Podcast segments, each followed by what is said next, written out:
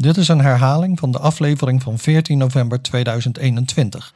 Maar het is niet alleen een herhaling, want aan het eind van de aflevering geven we een update over het meest recente onderzoek naar dit onderwerp. We beginnen met een test voor de luisteraar. Pak er even pen en papier bij en dan zal ik ondertussen vast uitleggen wat de bedoeling is. Je hoort zo meteen een lijst met namen. Schrijf voor elke naam op of dit een naam is van een bekende auteur of niet. Pen en papier gevonden? Daar gaan we. Pablo Daniel González. Simone van der Vlucht. Herman Koch. Kira Appels. Vladimir Nabokov. Arnon Grunberg. Teresa Ziegler. Kader Abdollah. Thea Beckman.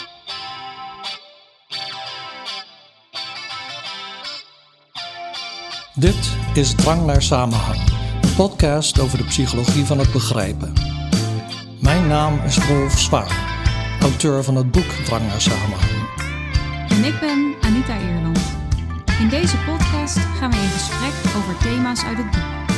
Je hoeft het boek niet te lezen om ons te kunnen volgen, maar dat is wel zo leuk natuurlijk. Dat lezen allerlei positieve effecten heeft op de taalontwikkeling van de lezer is bekend. Meer recent zijn onderzoekers ook andere mogelijke positieve effecten van lezen gaan onderzoeken.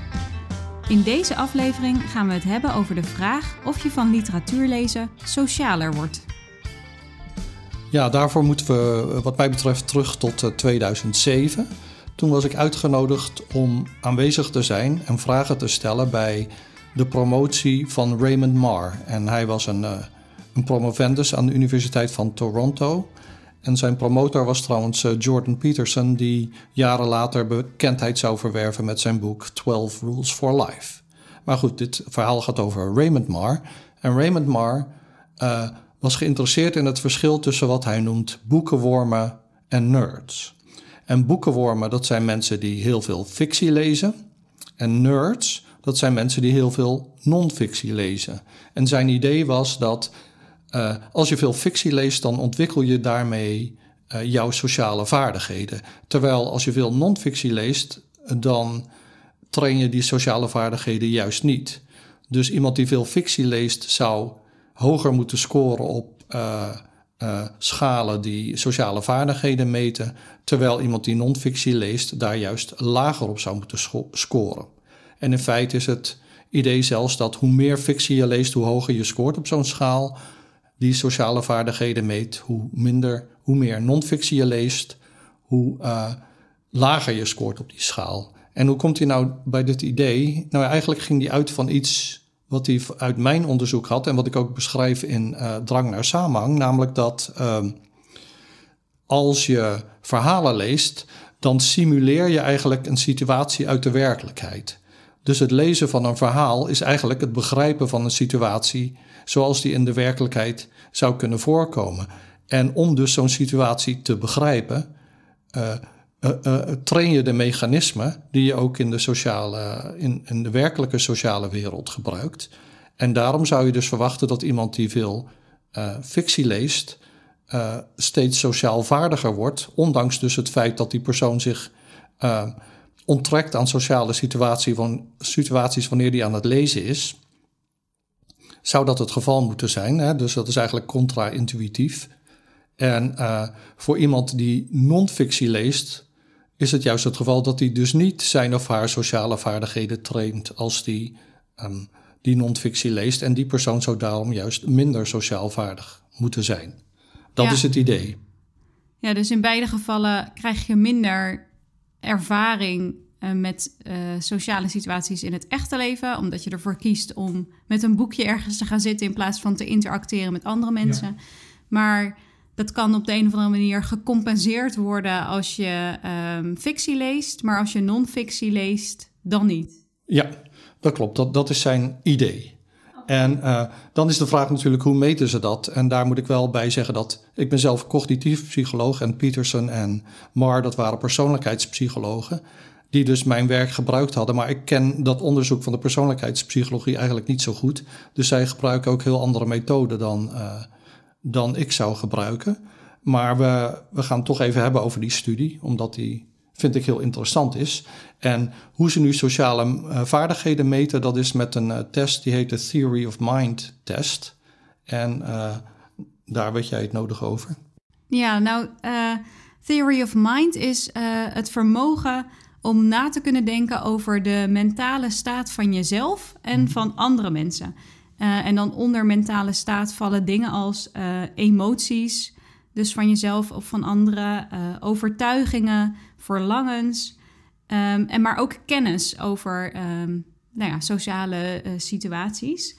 Um, en het, het gaat er bij Theory of Mind om, en dat wordt heel vaak getest bij jonge kinderen, waarin uh, die, ja, die Theory of Mind nog ontwikkeld moet worden. Mm -hmm. het gaat erom dat je ja, je dus kunt verplaatsen uh, in een ander persoon. En dan de meest bekende test die gebruikt wordt om Theory of Mind te meten bij kinderen, is de zogenaamde Sally-Ann-test. En dat is een taak waarbij kinderen um, een situatie te zien krijgen waarin uh, twee meisjes, Sally en Anne, een rol spelen. Sally speelt met een bal. op een gegeven moment moet zij naar het toilet, dat is het verhaal. En zij stopt de bal in een mandje. En gaat vervolgens mhm. weg.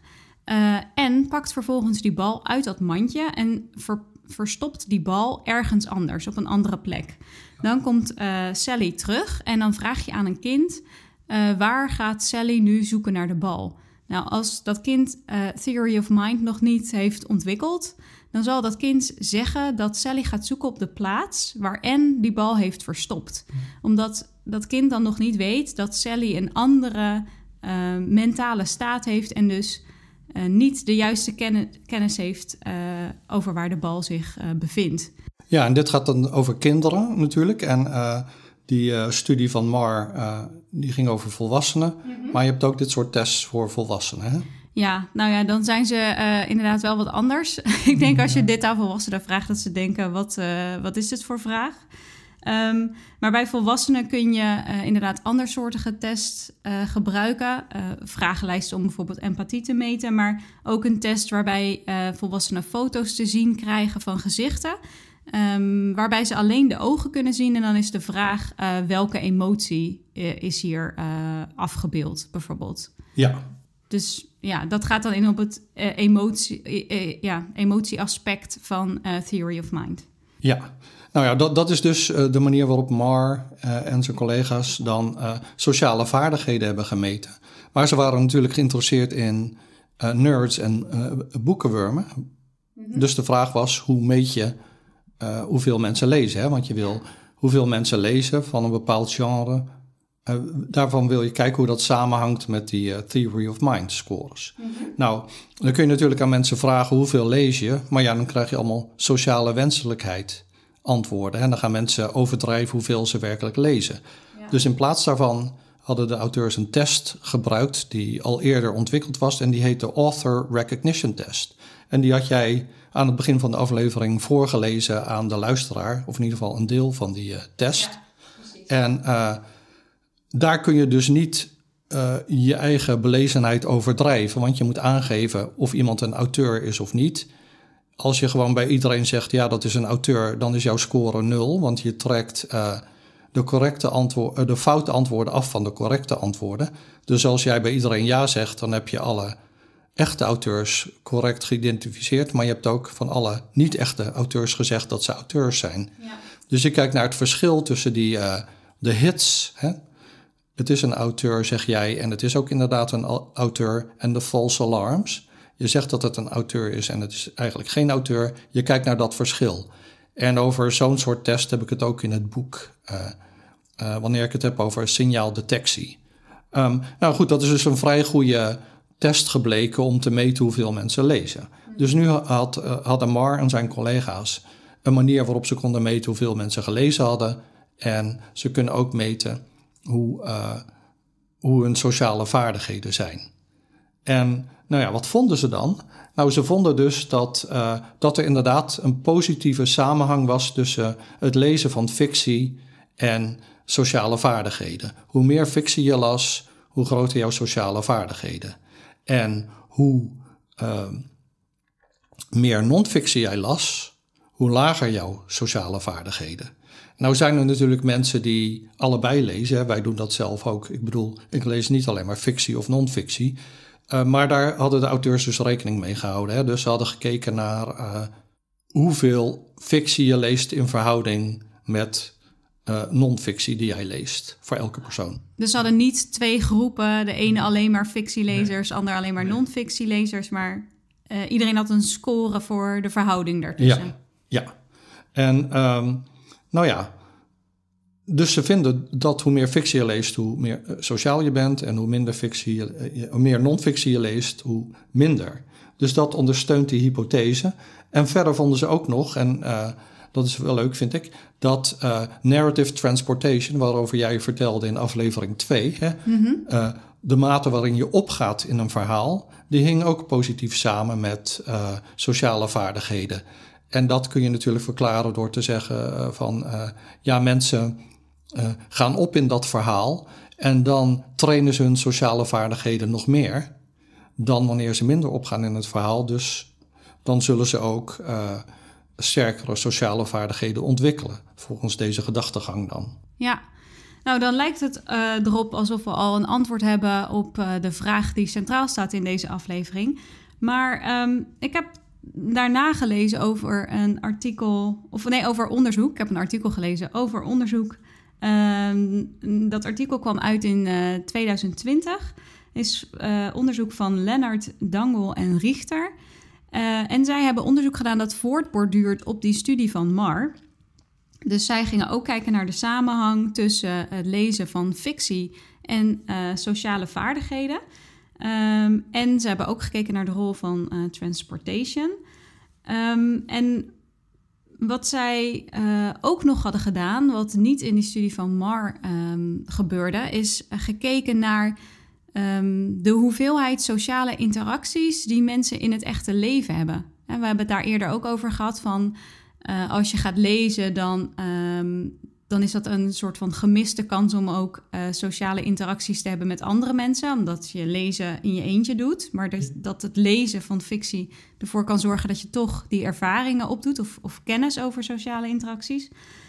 Nou, in deze studie uh, hadden ze dat uitgevraagd aan de proefpersonen. Dus hebben ze een maat geprobeerd, of een, ja, een maat voor de sociale interacties in het echte leven genomen. Um, en ze hadden ook gekeken, ook weer met die author recognition taak, uh, hoeveel um, mensen lazen qua fictie. Ja. Uh, ze hadden empathie uh, meegenomen als maat voor sociale vaardigheden. En dat hadden ze um, uitgevraagd middels een vragenlijst. en ze hadden allerlei andere persoonlijke factoren meegenomen, dus leeftijd, geslacht, IQ.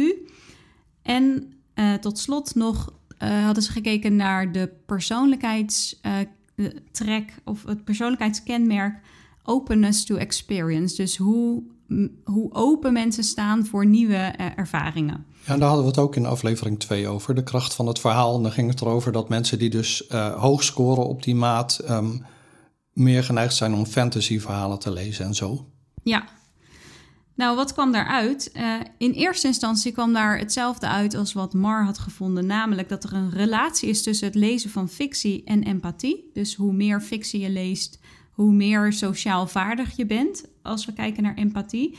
Maar vervolgens hebben ze um, rekening gehouden met al die andere factoren die ik net uh, noemde. Dus uh, leeftijd, geslacht, open, openstaan voor nieuwe ervaringen en de sociale interacties in het uh, echte leven. Mm -hmm. En als je dat doet, dan um, verdwijnt die relatie tussen het lezen van fictie en empathie.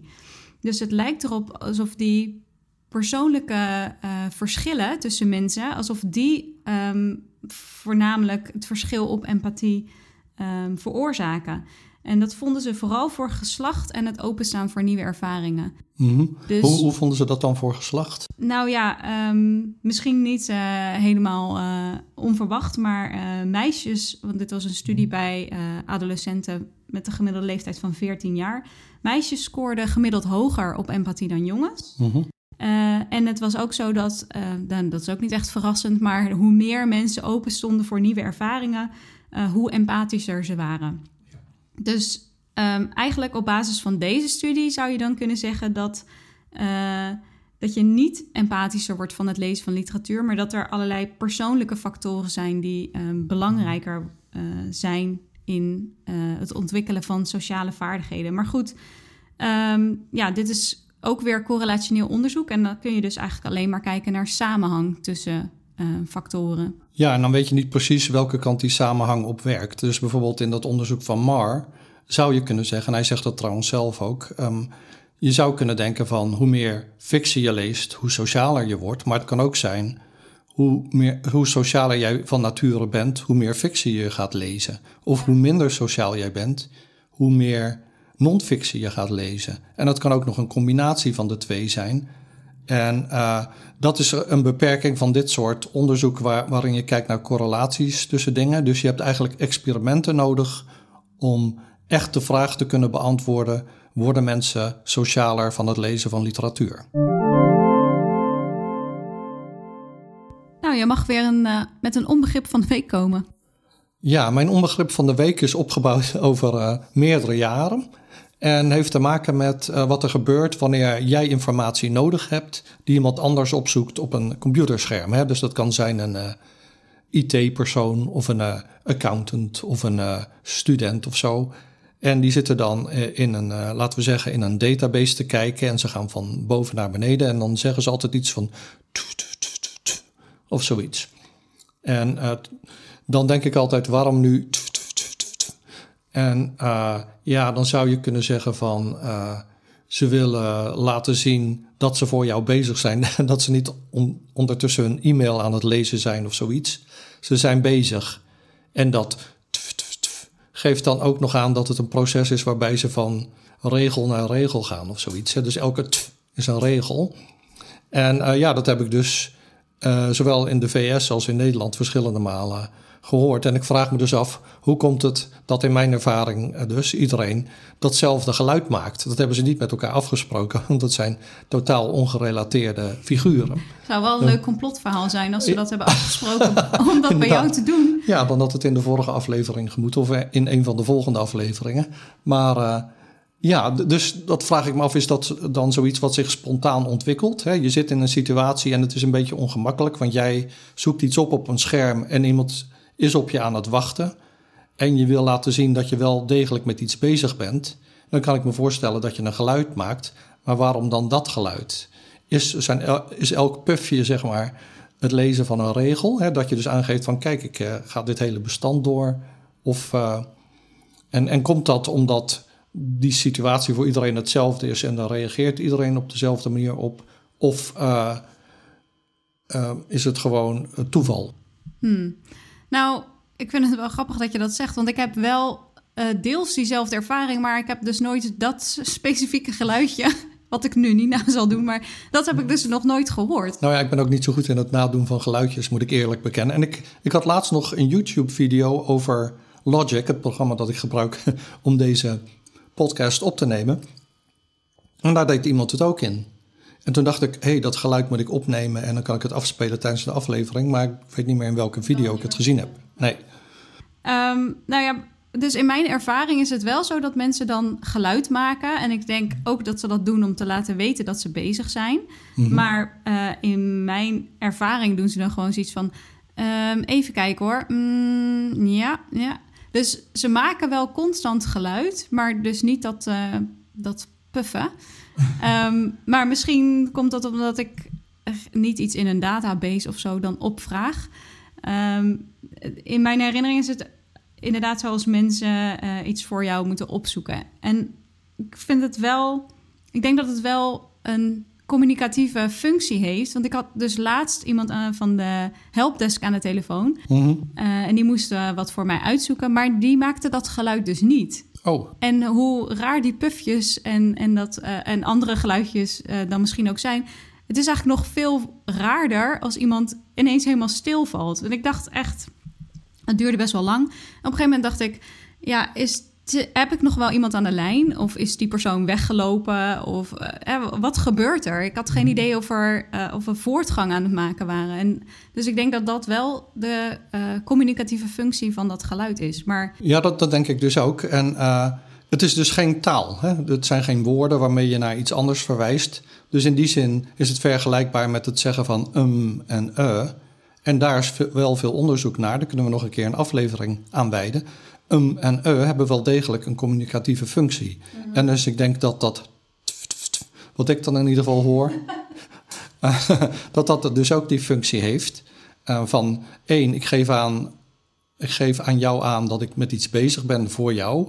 En twee, het is vrij moeilijk om te vinden en ik moet verschillende regels uh, af in mijn bestand om dat te vinden. Hmm, ik denk dat we hier uh, onderzoek naar moeten gaan doen of zo. Ja, of kijken of er anderen onderzoek naar hebben gedaan. Maar in ieder geval. Uh, een goed idee. ja, is wat minder werk meestal. Maar ook minder leuk. Nou ja, we zien wel.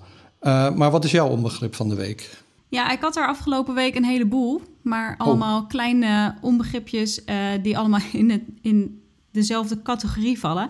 Ik moest namelijk uh, papers nakijken van studenten. En mhm. eh, het waren papers over uh, sociale media um, en over de invloed daarvan.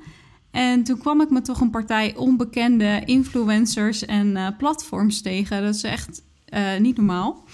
Toen dacht ik, kennelijk word ik oud, want ik heb echt nog nooit van deze mhm. mensen en deze platforms gehoord. Um, maar ja, dus ik had heel veel uh, onbegripjes wat dat betreft. En het zijn geen onbegrippen waardoor ik uh, niet meer snapte waar die papers over gingen. Maar het was wel even dat ik dacht, oh, kennelijk zitten mijn studenten in een heel andere wereld en, en gebruiken ze heel andere uh, platforms dan ik. Want ik zit eigenlijk alleen op LinkedIn, mm waar ik ook nauwelijks iets mee doe, uh, en op Twitter. Um, en wat wel leuk is, is dat deze podcast nu ook een um, eigen Twitter-account heeft. Um, je kan ons dus volgen op Twitter um, bij uh, @drankcast zijn wij. Uh, en als je nou uh, geen Twitter hebt, maar je wilt toch interacteren met ons, dan kun je ons ook mailen via drankcast@gmail.com. Ja, dus in het gedeelte voor de onbegripjes van de week hadden we het over de beperkingen van correlationeel onderzoek, zoals dat van bijvoorbeeld MAR. En dat je eigenlijk experimenten zou moeten doen om de vraag te beantwoorden van word je socialer van het lezen van literatuur? En nou wil het toeval dat er een studie is gedaan in 2013 door Kit en Castagno. Het klinkt als twee cowboys, maar het zijn onderzoekers en die hebben een hele specifieke hypothese getest, namelijk dat het lezen van literaire fictie leidt tot uh, een grotere sociale ontwikkeling vergeleken met het lezen van populaire fictie. En literaire fictie, dan moet je denken aan auteurs zoals uh, Thomas Mann of Willem Frederik Hermans, Simon Vestdijk, uh, Arnon Grunberg. En populaire fictie, dat is dan Agatha Christie of Stephen King of Saskia Noord. Um, en ja, waarom zou dat dan zo zijn? Nou, zeggen Kit en Castagno, literaire werken confronteren lezers met interessante en complexe personages. En je leest ook vaak de gedachten van die personages. En die personages gedragen zich vaak niet volgens sociale scripts. We hadden het in aflevering 1 al over scripts. We hadden het over het restaurantscript, hoe je je gedraagt in een restaurant bijvoorbeeld. Nou, die literaire personages gedragen zich vaak ongebruikelijk. Dus om hun gedrag te begrijpen, hè, want je simuleert die situatie, moet je dus allemaal mechanismen gaan ontwikkelen die je ook kunt toepassen in, in, in de werkelijkheid dan. Um, en populaire fictie, de, in populaire fictie staat het personage niet centraal, maar meer de plot. Bijvoorbeeld in een detective eh, roman Who Done It? Wie heeft het gedaan? En niet zozeer de persoonlijkheden van de personages. Dus, zeggen Kit en Castagno, dat is een onderscheid tussen literaire fictie en populaire fictie. En vanwege dat onderscheid zou je dus verwachten dat uh, het lezen van literaire fictie leidt tot grotere sociale vaardigheden, of de activatie daarvan in ieder geval, vergeleken met het lezen van populaire fictie. Ja, dus bij uh, populaire fictie heb je karakters die zich gedragen op een manier die je al kent. Ja. Dus dan kun je al je voorkennis uh, goed gebruiken, maar leer je eigenlijk niks nieuws. Uh, je kunt het gedrag goed voorspellen, maar er komen geen nieuwe vaardigheden bij. Terwijl bij literaire fictie, als mensen zich dus anders gedragen, afwijken van de norm, dan breid je je repertoire eigenlijk uit. Zo zou je het kunnen zeggen. Maar goed, in de, uh, dat is dus als je je hele leven lang, laten we zeggen, alleen maar literatuur leest versus alleen maar um, populaire fictie. Mhm. Maar hier hebben ze een experiment uitgevoerd. En uh, hoe hebben ze dat nu gedaan? Nou, ze, ze, hebben trouwens vijf experimenten uitgevoerd, maar ik uh, vat het even samen. Um, in die experimenten kregen mensen een kort stukje fictie te lezen. En dat was ofwel literaire fictie, ofwel populaire fictie. Dus ze lazen dat korte stukje en daarna werd dan hun sociale vaardigheden, werden hun sociale vaardigheden gemeten, hè, de theory of mind. En vooral werd er dan gekeken naar affective theory of mind, dus te maken hebbend met empathie en zo. Dus ze gebruikten bijvoorbeeld ook die test met die ogen waar jij het over had. Mhm. En ook nog een test met cartoonpoppetjes. Uh, dus ze hadden meerdere manieren om dan sociale vaardigheden te meten. En ze vonden inderdaad dat de mensen die net een stukje literatuur hadden gelezen, hoger scoorden dan mensen die net een stukje populaire fictie hadden gelezen. Dus ze hadden helemaal niet meer gekeken uh, met zo'n author recognition taak van uh, hoeveel lezen mensen nu überhaupt, wat ze bij die correlationele studies hadden gedaan, maar ze hadden de, het, lezen van fictie puur alleen gebaseerd op wat voor stukje tekst mensen van tevoren hadden gelezen. Ja, daar ging het om. Of ze nou die author recognition test ook nog hadden gebruikt, weet ik niet. Maar het punt is inderdaad dat, uh, dat je, je manipuleert wat mensen lezen. Ze lezen ofwel uh, uh, dus literatuur ofwel populaire fictie. En dat doen ze maar eventjes. Mm. Ja, want je kan ze niet een hele roman laten lezen in een experiment natuurlijk. Want je moet die mensen betalen en dan zou het heel duur worden als je 500 proefpersonen een roman moet laten lezen. Maar goed, um, ze vonden dus inderdaad dat de mensen die dat stukje literatuur hadden gelezen hoger scoorden dan die andere mensen die populaire fictie hadden gelezen. Terwijl je kon zeggen van die groepen zijn verder vergelijkbaar in hoeveel ze lezen. Dus dat is experimenteel bewijs of experimentele ondersteuning voor het idee dat literatuur lezen leidt tot grotere sociale vaardigheden.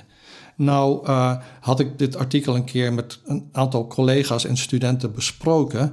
En wij twijfelden nogal aan de bevindingen, want wij dachten, ja, um, even zo'n stukje literatuur lezen, hoe kan dat nou zo'n effect hebben? Vergeleken met je hele leven lang die literatuur lezen. Het idee hier is, denk ik, van Kit en Castagno, dat um, het lezen van een literair stukje dat triggert als het ware de mechanismen die jij gebruikt om eh, complexe sociale situaties te gebruiken. Dus als een voetballer die, die warm loopt, zeg maar. Mhm. Hij loopt even warm en dan doet hij de Theory of Mind test. Die populaire fictie triggert die mechanismen minder, alsof de voetballer niet heeft warm gelopen en dan doet hij dezelfde test. Ja, want het lijkt me wel sterk dat je ineens uh, veel sociaal vaardiger wordt als je een paar regels uh, tekst hebt gelezen. Ja, dus dat, is, dat, is compleet implausibel inderdaad. Maar goed, wij vonden het nog steeds vrij implausibel. Dus wij dachten, we gaan dat experiment van Kit en Kastanje, of één ervan in ieder geval, precies herhalen. En dat heet een replicatie. Ja. ja, dat is altijd een goed idee als je meer zekerheid wil krijgen over... Uh, dus ja, de sterkte of de betrouwbaarheid van een, uh, van een resultaat. Want elke keer als je een studie doet, um, is er een bepaalde foutmarge. Hè? Er is altijd een kleine kans dat je een effect vindt, terwijl er eigenlijk geen effect is. Um, maar als we dezelfde studie meerdere keren doen en we vinden steeds hetzelfde resultaat, dan met elke replicatie van een uh, bevinding krijgen we daar meer vertrouwen in. Dat klopt, ja. ja. ja. dat klopt, want het gaat eigenlijk niet om de individuele bevinding, maar het is meer zo dat je een procedure moet ontwikkelen waarmee je op betrouwbare wijze steeds die bevinding krijgt. Dat is eigenlijk wat je zou moeten willen. En wij hebben daar een artikel over geschreven, collega's en ik zullen we opnemen in de show notes. Um, making replication mainstream. Maar goed, uh, in dit geval gaat het er dus om van. Uh, uh, oh, er was trouwens nog een andere reden dat we een beetje twijfelden aan die resultaten van Kit en Castagno. En dat had te maken met de statistiek, maar dat laat ik even buiten beschouwing hier. Wij dachten in ieder geval van, het is een hele interessante hypothese. Ja. Waar ik ook zelf graag in zou willen geloven. Hè, dat het lezen van literatuur je socialer maakt. Maar we vonden die experimenten niet overtuigend. Dus wij deden ze precies na. En het is dus, jij zei replicatie is belangrijk, dat is waar. En ik denk dat een replicatie, dus het herhalen van bevindingen, nog sterker is wanneer andere onderzoekers dan de originele onderzoekers het doen. Uh, nou ja, wat vonden wij? Wij vonden eigenlijk precies hetzelfde als Kit en Castagno. Uh, wij vonden dus ook dat dat even lezen van een literaire tekst leidde tot hogere scores op die, uh, die test die we noemden, die sociale vaardigheden meten, dan het lezen van populaire fictie. En dat had je niet verwacht. Dat hadden we niet verwacht. En ook vonden we, en dat vonden Kit en Castagno ook, dat hadden ze ook nog gemeten, namelijk hoe, in hoeverre gaan mensen op in die verhalen. En ze vonden dat de mensen meer opgingen in de literaire teksten dan in de non-fictieteksten. En uh, nou ja, dat is dan consistent met het idee dat je dus uh, sterkere sociale vaardigheden activeert met die literaire teksten dan met die, non, met die populaire fictie. Zei ik non-fictie? Ik bedoel de populaire fictie. Ja. Ik zag je al streng kijken. nee, ik dacht even, klopt dat nou? Maar het was inderdaad literair versus populair. het was allebei fictie. Ja, Um, dus jullie vonden precies hetzelfde als uh, Kit en Castagno. Uh, ondanks dat jullie dat niet verwacht hadden, kunnen we dan nu concluderen nou ja, dat je dus van het lezen van literatuur inderdaad sociaal vaardiger wordt? Um, nou, ik denk, er is nog verder onder, onderzoek gedaan. Misschien moet ik dat ook nog even vertellen door andere onderzoekers. Die hebben dus ook dan wij, die hebben ook geprobeerd Kit en Castagno te herhalen, die bevinding, en die vonden het effect niet. Um, maar zeggen Kit en Castagno, wanneer je hun studies goed bekijkt, dan zie je dat ze niet precies hebben gedaan wat wij hebben gedaan. Want het is natuurlijk voor deze studie heel belangrijk dat mensen die meedoen aan het experiment, die teksten ook echt lezen voordat ze dan die vragen krijgen over de, de emoties en de ogen en zo. Ja, anders werkt je manipulatie niet. Nee, dus in het programma uh, waarmee de teksten werden aangeboden van de, aan de proefpersonen, werd ook gemeten hoe lang ze erover deden om die teksten te lezen. Mm -hmm. En Kit en Castagno en wij ook hadden mensen de data van proefpersonen eruit gegooid die dus veel te kort deden over die teksten. Zo'n tekst lees je niet in een halve seconde. Dan heb je gewoon het scherm gezien en geklikt en ben je doorgegaan om maar zo snel mogelijk je geld te krijgen. Dus die mensen wil je niet meenemen in je analyse, want die doen niet wat de bedoeling is. Ja. Uh, dus dat hadden wij gedaan. We hadden van tevoren gezegd: mensen die lang, uh, sneller lezen dan, uh, nou ja, dan een bepaalde tijd, die gooien we eruit. Hadden we van tevoren gezegd en dat hebben we inderdaad gedaan. Maar deze andere onderzoekers hadden die mensen erin gelaten. En dan verwatert natuurlijk het effect. Want ja, dan meet je eigenlijk helemaal niet bij een aantal proefpersonen wat het effect is van literaire fictie. Want die hebben die tekst helemaal niet gelezen. dus als je dan die data eruit haalt, en dat kan als mensen hun data delen met andere onderzoekers, hè, dan heb jij als andere onderzoeker de beschikking over andermans data. En dat heet Open Science, waar jij enorm mee bezig bent. En uh, dat is dus heel een groot goed. Uh, nou ja, zo vonden Kit en Castagno dus. Dus als je in die experimenten van die andere mensen, als je daar de proefpersonen, de data van de proefpersoon uitgooit, waarvan je weet dat ze eigenlijk de tekst niet gelezen hebben, dan vind je ook het effect. En daarnaast hebben zij zelf ook nog een keer uh, dat effect gerepliceerd.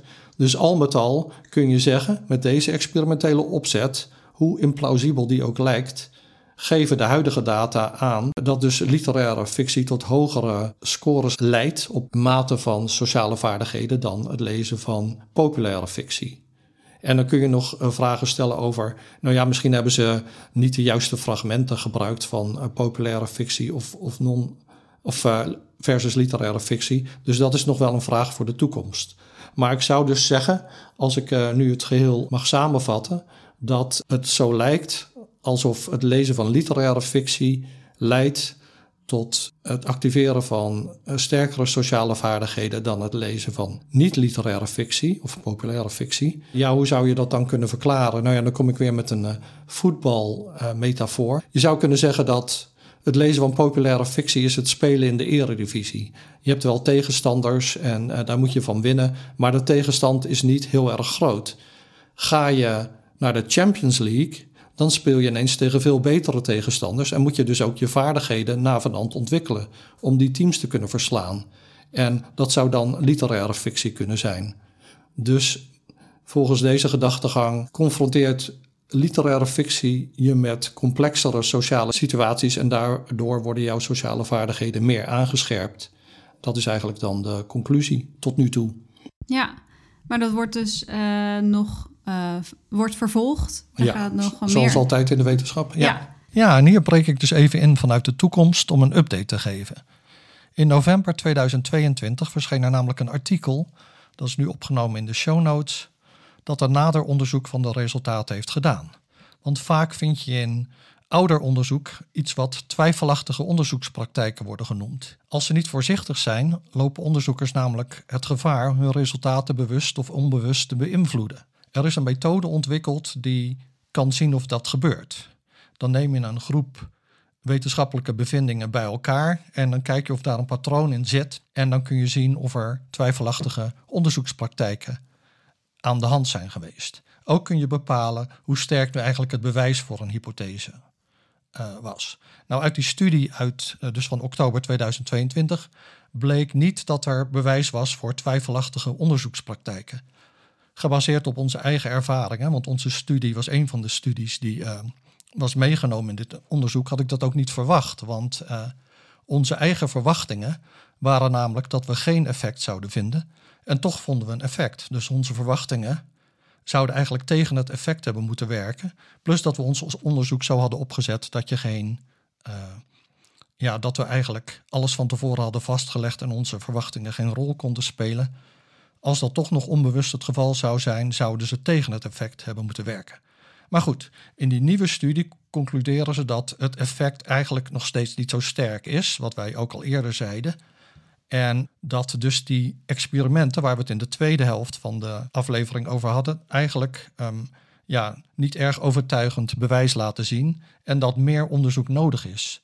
En ook zeggen deze onderzoekers, en een ervan is de Raymond Marr, waar we het ook in het begin over hadden, die dus eigenlijk het oorspronkelijke idee had dat het lezen van literaire fictie uh, sociale cognitie zou beïnvloeden.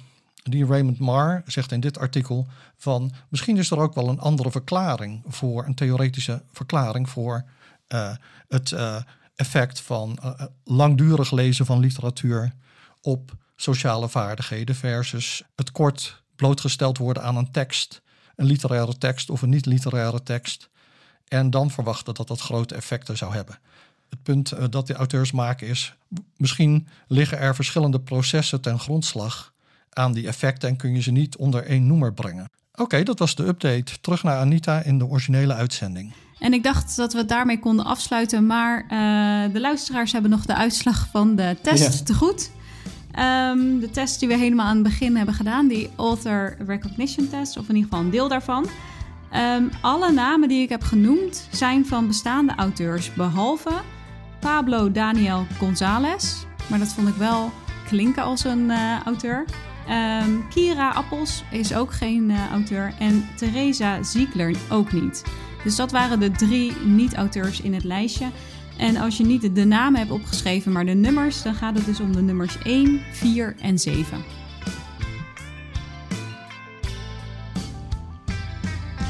Vond je dit een leuke aflevering? Abonneer je dan. Je kunt ons volgen op Twitter, Drankkast, of mailen via drankkast.gmail.com. Een beoordeling met 5 sterren helpt andere mensen ook om onze podcast te vinden. Behoefte aan meer drang naar samenhang? Ga dan naar de boekwinkel of bestel het boek online. De hoofdstukken die aansluiten bij deze aflevering vind je in de show notes. Tot de volgende drang. Drang naar samenhang is een podcast van Rolf Zwaan en Anita Eerland. Montage door Rolf Zwaan. Muziek geschreven en gespeeld door Rolf Zwaan.